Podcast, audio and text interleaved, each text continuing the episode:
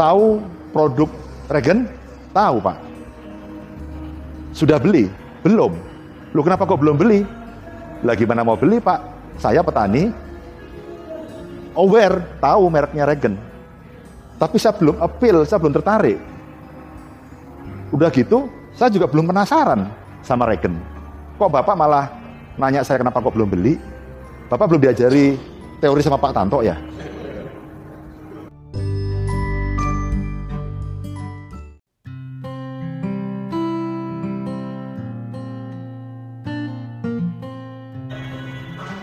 Tahu itu adalah tahapan aware.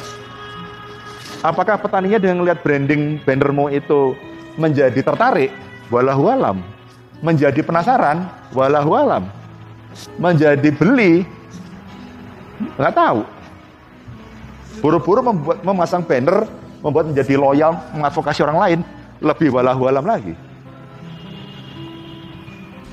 Oke, sekarang slide berikutnya saya akan jelasin kegiatan-kegiatan DCA kegiatannya BC, kegiatannya SDE, kegiatannya KAE yang berhubungan dengan kotak ini, kotak ini, kotak ini, kotak ini.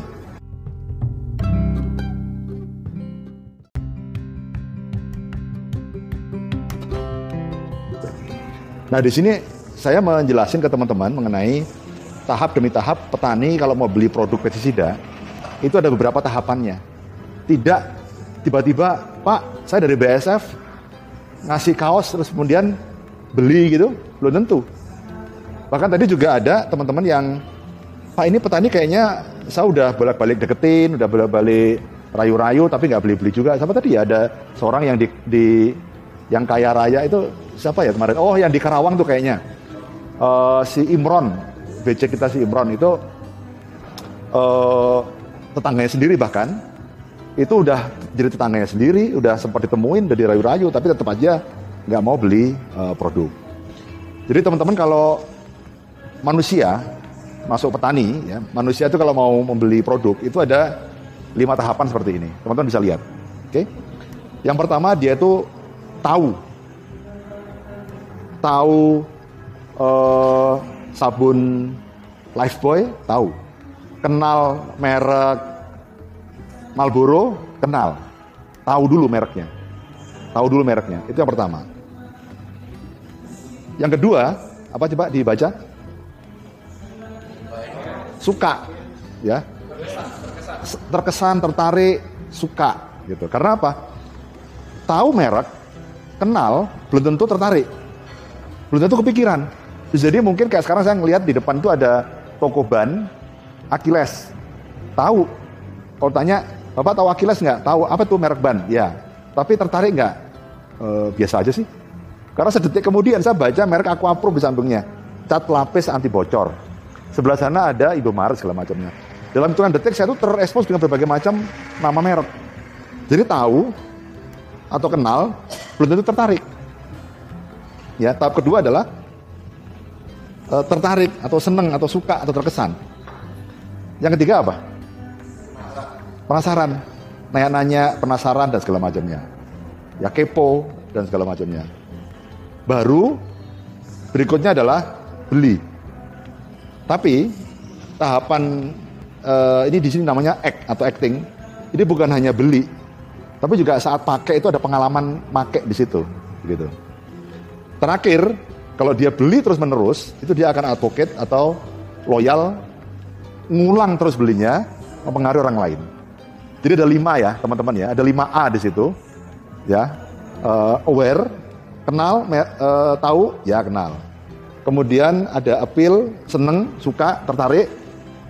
Atau kadang-kadang kalau ini jangan anak muda sekarang itu kayaknya sering ngomong gini nih, itu saya kayaknya gue banget, ya. Saya merasa relate dengan produk itu. Yang kedua ini, ya.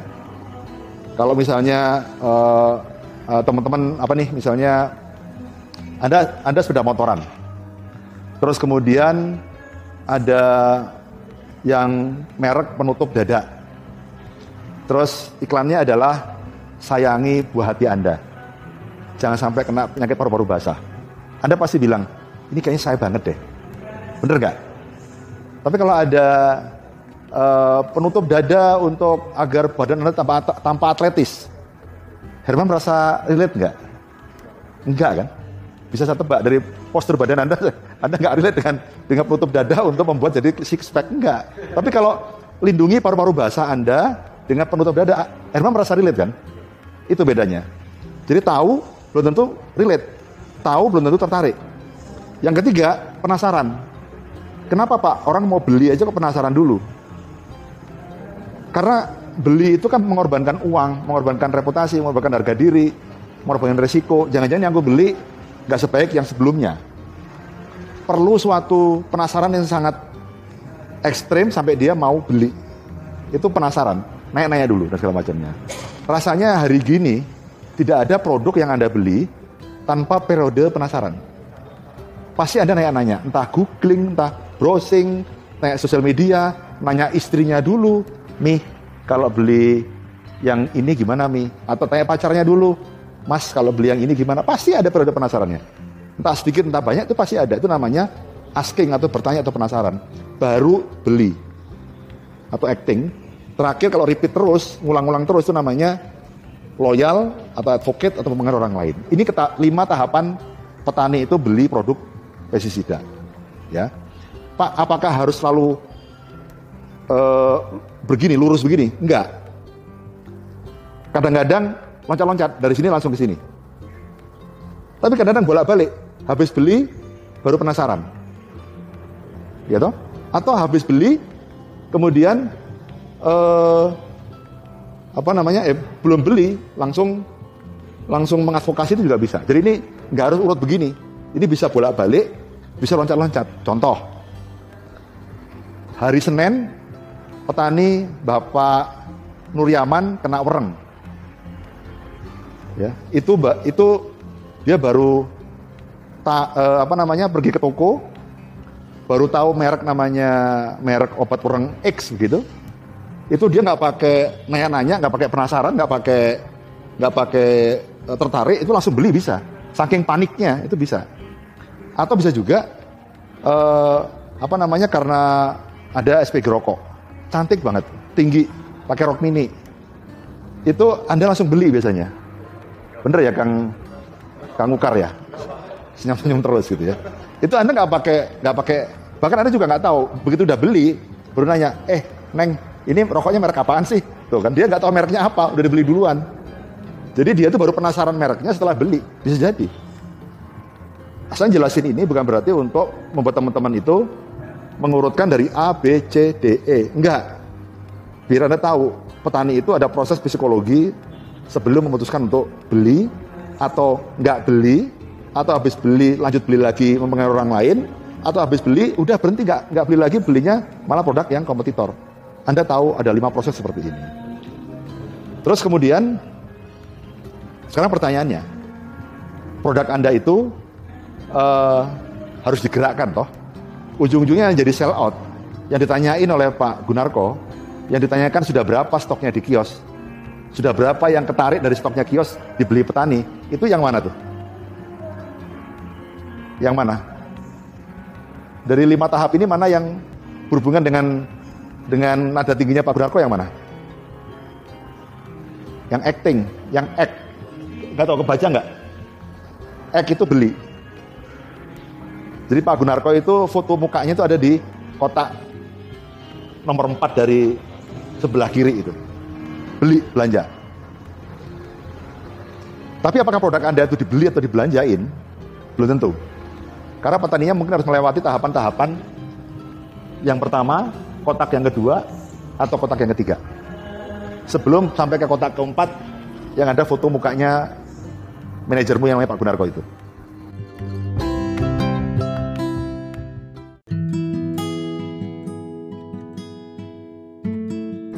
Jadi, kalau petani itu tahu mereknya Regen, gerakin ke kanan. Satu di situ, banyak tulisan apa? Attract, attraction, ya, attraction.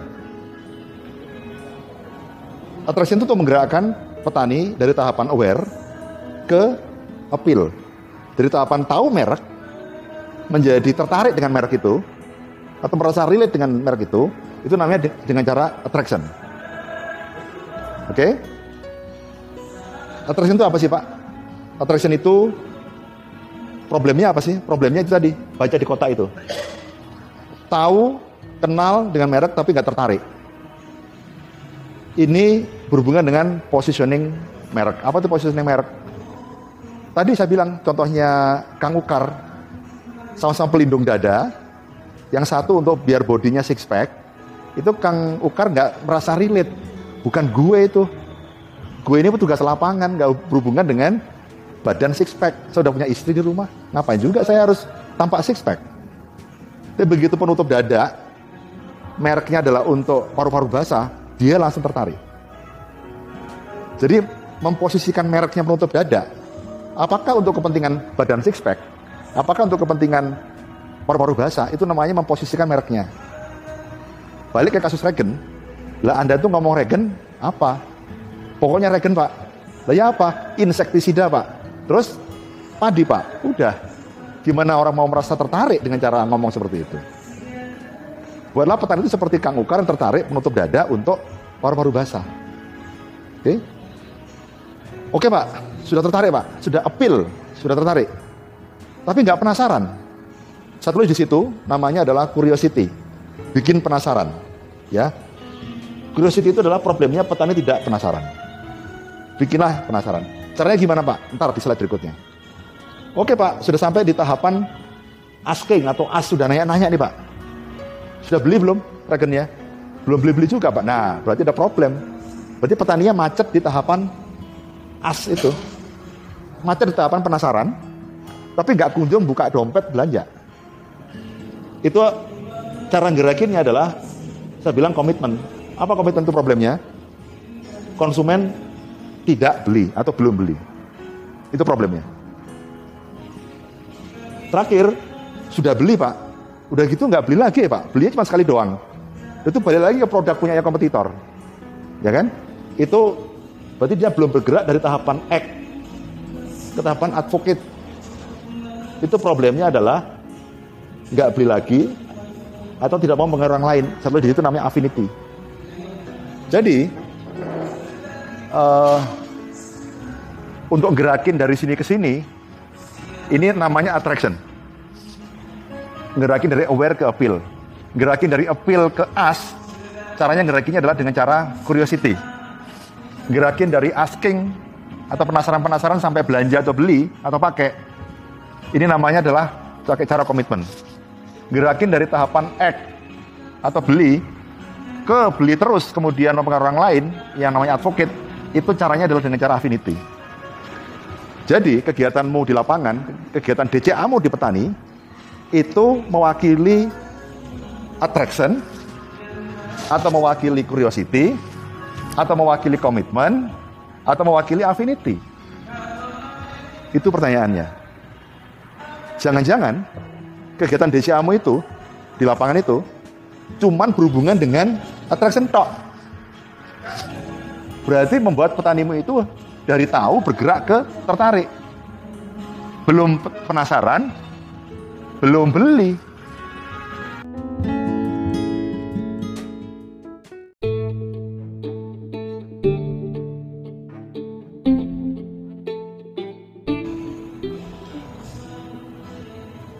Nih, katanya masih sama ya.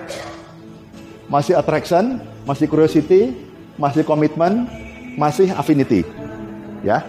Masih sama kotaknya. Jadi jangan kehilangan jejak dengan yang uh, yang ini. Jadi kalau saya bilang attraction itu apa ya? Itu adalah kegiatan untuk menggerakkan petani dari tahapan aware ke appeal. Curiosity, gerakin petani dari tahapan penasaran, eh dari tahapan tertarik ke penasaran. Komitmen untuk gerakin petani dari tahapan penasaran ke belanja. Affinity adalah kegiatan yang untuk menggerakkan petani dari tahapan belanja ke belanja terus, terus, and terus, bahkan mempengaruhi orang lain. Jadi ingat-ingat kata-kata attraction, curiosity, komitmen, sama affinity. Ya, saya pindahkan ke slide berikutnya. Masih sama, attraction, curiosity, komitmen, sama affinity. Anda bisa melakukan kegiatan yang sifatnya attraction, itu adalah solusinya adalah mereknya itu ter personifikasi dengan petani. Contoh Kang Ukar, pelindung dada, paru-paru basah. Ukar mikir, ingat istri di rumah. Kayaknya aku banget tuh. Hah? Oke. Ingat calon istri. Kayaknya saya harus beli itu. Saya nggak mau nanti saya menikah, calon istri saya tahu saya paru-paru basah. Personifikasikan. Kedua, kalau mau tertarik, itu kesan pertama harus menggoda. Ya. Terus saja terserah Anda. Yang ketiga, di custom. Sering nggak Anda beli beli barang apa gitu? Oh, bisa Pak, saya kasih warna merah ya. Oh, bisa Pak, nanti pintunya saya kasih sayap. Oh, tenang aja Pak, nanti uh, spatbornya saya kasih gambar Pinocchio. Oh, tenang Pak, nanti lampunya, motornya saya kasih logo Batman. Jadi kalau udah ada di custom begini, itu biasanya petani merasa tertarik. Jadi orang itu tertarik karena kesan pertama begitu menggoda, karena bisa di custom, karena merasa relate. Itu tiga kata kuncinya. Terus kalau bikin kegiatan BC gimana Pak terkait dengan attraction? Nih, poster berisi konten yang atraktif. Coba kalau bannermu itu isinya uh, petani gitu ya, wajahnya keriput, terus kemudian di belakangnya ada sawah dia yang lebar banget. Mohon maaf mungkin wajah petani itu kayak seperti orang biasa aja. Terus di situ ada kalimatnya, sawah saya ujungnya nggak kelihatan. Itu orang tertarik nggak? Uh, atraktif nggak? Orang jadi penasaran kan, jadi tertarik kan? Loh kok bisa ya? Tua kayak gitu aja sawahnya nggak kelihatan ujungnya. Terus tulisan di situ tulisannya adalah Regen SC. Nah, itu poster yang membuat petani merasa relate. Sama seperti ukar yang relate dengan pelindung dada. Kalau postermu atau bannermu atau brandingmu isinya hanya botol, foto botol sama nama, nggak akan relate nggak? Contoh kedua, kunjungan ke petani, ngomong ke petani. Kalau hanya Anda hanya, Pak, saya dari BSF, nama saya Deden. Ini Pak, kaos buat Bapak, persembahan dari BSF, saya disuruh Pak Gunarko ngasihin kaos. Sudah ya Pak, terima kasih, nuhun, Assalamualaikum. Tapi kalau Anda bikin edukasi, Deden ngomong begini, e, ini kabriotop sebenarnya bikin, bisa bikin Bapak kaya loh Pak. Ah masa Kang Deden? Nah, ini kunjungan ke petani ngemeng-ngemeng seperti itu, membuat petani itu merasa relate dengan kabriotop yang Anda omongin. Gitu. Yang ketiga, kalau mau tertarik, penampilan visual di lahan. Kemarin waktu saya lihat punya Yati, sayangnya kurang ke pinggir jalan. Mungkin dari pinggir jalan kali Yati ya. Saya kebayang kalau naik sudah motor di belakang jalan itu. Nengok ke kiri seret. Lihat, ya Allah, ini parah banget ya. Pitoptoranya. Loh, itu kenapa bersih banget? Padahal bedanya cuma satu gini doang. Itu kesan pertama begitu menggoda Yati. Penampilan visual di lahan itu adalah cara untuk membuat attraction ini terjadi. Tapi ya harus terlihat. Kalau dia mau di ujung sebelah sana, atau di jalan raya ngebutnya 60 km per jam, ya nggak kelihatan ya hati. Jadi eh, bagaimana caranya agar penampilan visual itu muncul di lahan dengan mudah. Atau mencoba sendiri. Eh, Pak, nama saya Herman. Ini ada sampel Pak, coba dicoba. Semprotin, seret. Tiga hari kemudian ada miss call 10 kali ke HP-nya Herman. Kenapa Pak? Kenapa Pak? Bahaya? Enggak, saya kaget. Kaget kenapa? Kok toranya kok kering sendiri? Ini apa ya? Nah, ini. Jadi kesan pertama begitu menggoda. Dua hari orang ngering. Itu adalah cara-cara attraction, kegiatan BC yang membuat petani itu tidak hanya sekedar tahu, tapi relate dengan merek, tertarik dengan produk kita. Banner, poster, branding yang isinya atraktif unik, relate dengan petani. Ke petani nggak sekedar cuma hello-hello doang ngasih kaos, tapi cerita tentang produk Anda. Terus bikin demplot pinggir jalan, kiri kanan versus kontrol nyata banget bedanya. Pak, coba dicoba sendiri. Bapak coba alami sendiri. Baru kalau Anda lakukan ini, petani akan nggak sekedar cuma tahu merek, tapi tertarik dengan merek Anda. Paham nggak?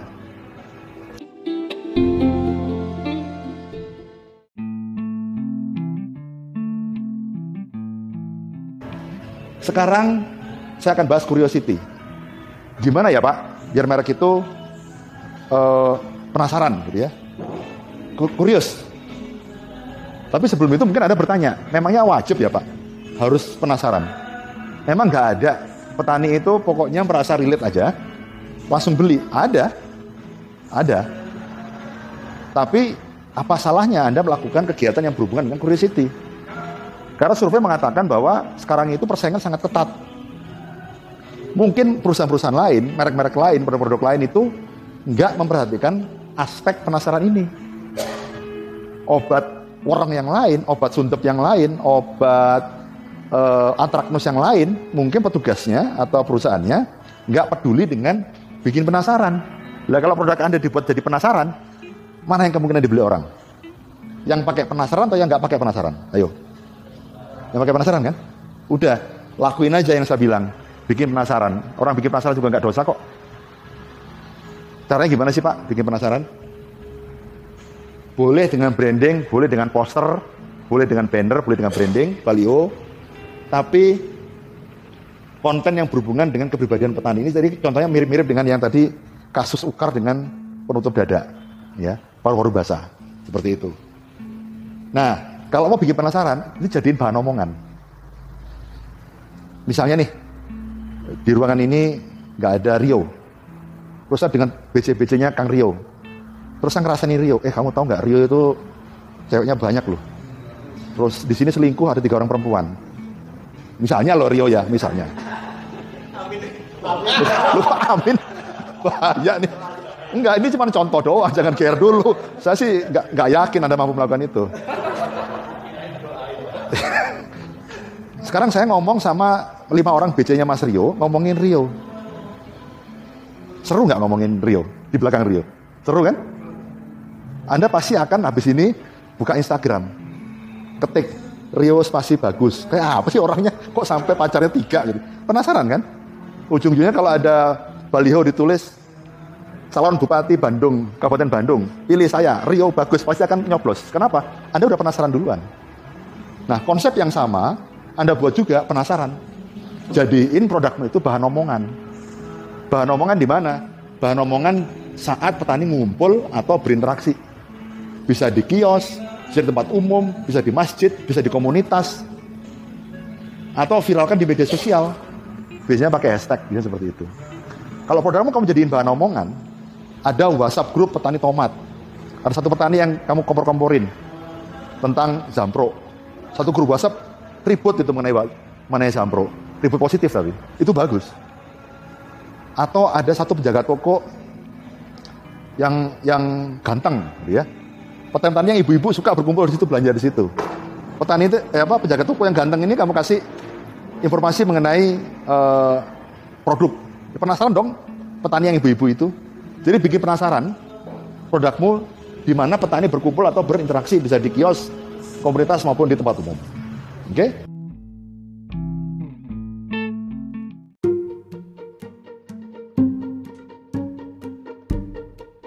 Oke Pak, siap. Petani saya udah penasaran semua, do curiosity semua. Tapi nggak beli-beli itu Pak. Apa yang terjadi Pak? Kalau mau menggerakkan petani dari uh, penasaran ke belanja, itu cuma dua kata kunci. Tempat belinya sama duit buat belinya. Channelnya sama modalnya. Cuma dua itu aja. Itu namanya komitmen. Itu adalah membuat orang belanja. Cuma dua kata kunci. Nambah jaringan. Nambah jaringan kios atau penyalur, which is itu adalah yang Pak Gunarko lakukan sekarang. Ayo nambah R2 semua. Itu apa artinya? Ya ini, agar kios R2-nya bertambah, petani makin mudah mengakses atau membeli produk. Apa yang dilakukan oleh Pak Gunarko nambah kios R2 itu adalah di sini. Ya kan? Bisa dengan potongan harga ke petani, bisa bikin hadiah buat petani, atau Anda ngundang juragan atau bakul apa trader atau pemodal, Pak, itu petani itu kayaknya udah pakai campur Pak. Bapak kan perlu tomat tuh. Modalin dong seperti itu. Jadi kalau dalam hal komitmen cuma dua kata kuncinya, nambah jaringan toko sama urusannya urusan duit dan modal. Oke, kata Kang Didi. Berarti penting dong one shoot one shoot gitu kan. Wonsat wansut itu penting dong, penting Kang Didi. Tapi ironinya yang wonsat wansutnya Kang Didi itu itu hanya ada di sini.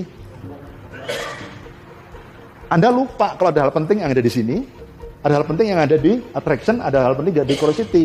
Wonsat wansut kios itu hanya di komitmen doang. Sering ada ironi di mana KAE-nya agresif, wonsat wansut, wonsat wansut. Tapi petaninya buru-buru mau terprovokasi dengan wansutnya si kios Penasaran aja kagak. Relate aja enggak. Udah bang-bang duit, nggak ada yang beli. Siapa menikmati untung dari bonsat wansut itu?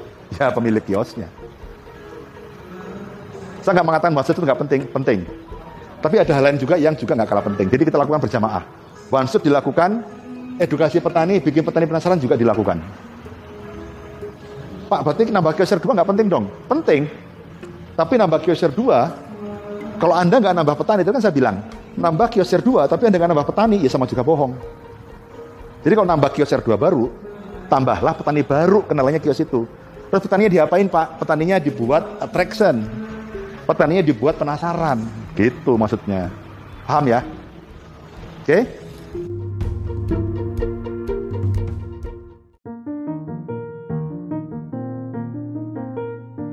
Sekarang ada kasus sudah tahu regen granul Pak? Sudah. Pak petani sudah beli? Sudah. Mau beli lagi? Maaf, enggak. Atau Bapak mau mempengaruhi tetangga sebelah kiri enggak? Maaf, enggak juga. Lu ada apa ini? Sudah beli loh, tapi enggak beli lagi dan enggak mau pengaruh orang lain.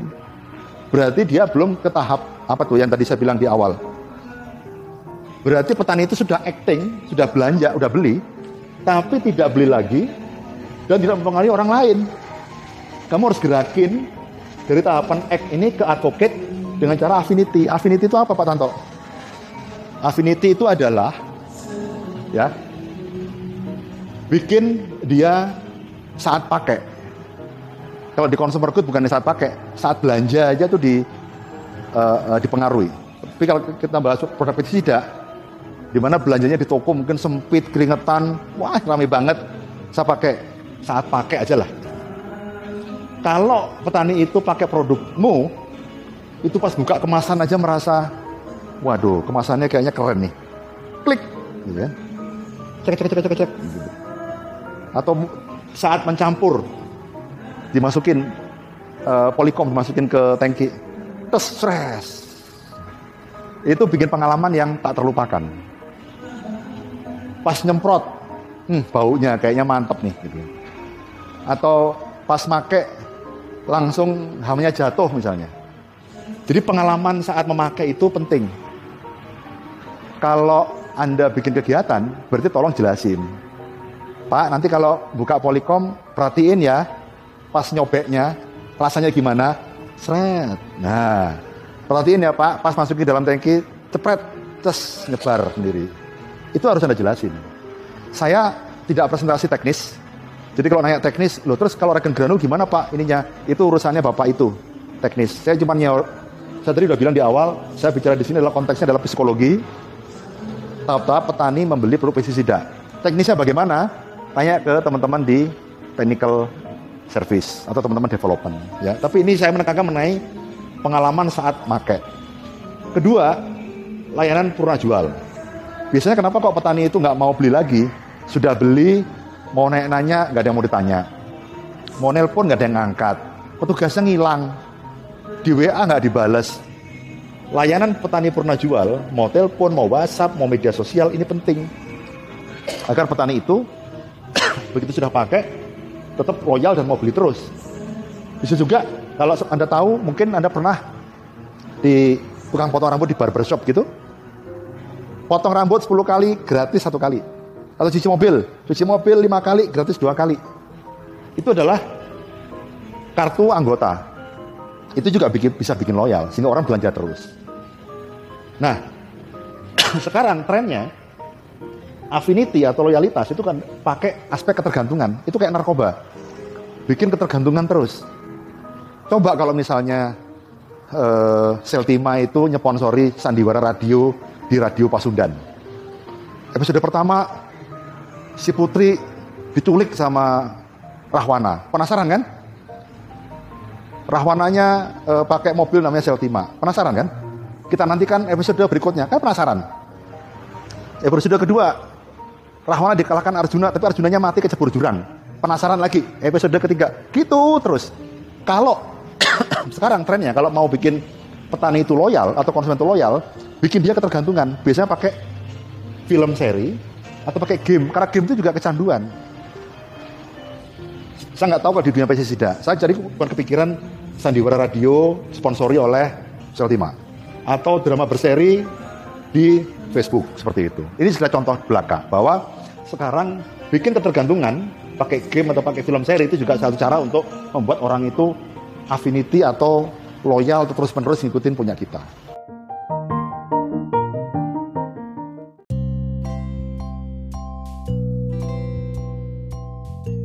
Gitu teman-teman. Tahap demi tahap petani beli produk pestisida.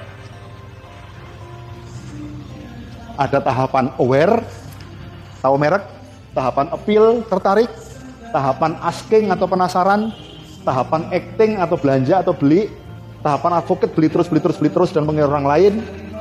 Cara gerakin antar ini pakai namanya attraction, pakai namanya curiosity, pakai namanya komitmen, pakai namanya affinity. Contoh kegiatan lapangan yang bisa dilakukan oleh teman-teman BC itu adalah seperti yang saya jelaskan tadi di sini, di sini, di sini, di sini. Teman-teman kalau mau uh, lebih lanjut, saya share di grup WA. Podcastnya saya share juga di grup WA, jadi Anda bisa dengerin lagi. Sekarang jam setengah lima, saya harus ikut bebek. Pertanyaan lain waktu. Oke, makasih ya. Selamat sore, Assalamualaikum warahmatullahi wabarakatuh.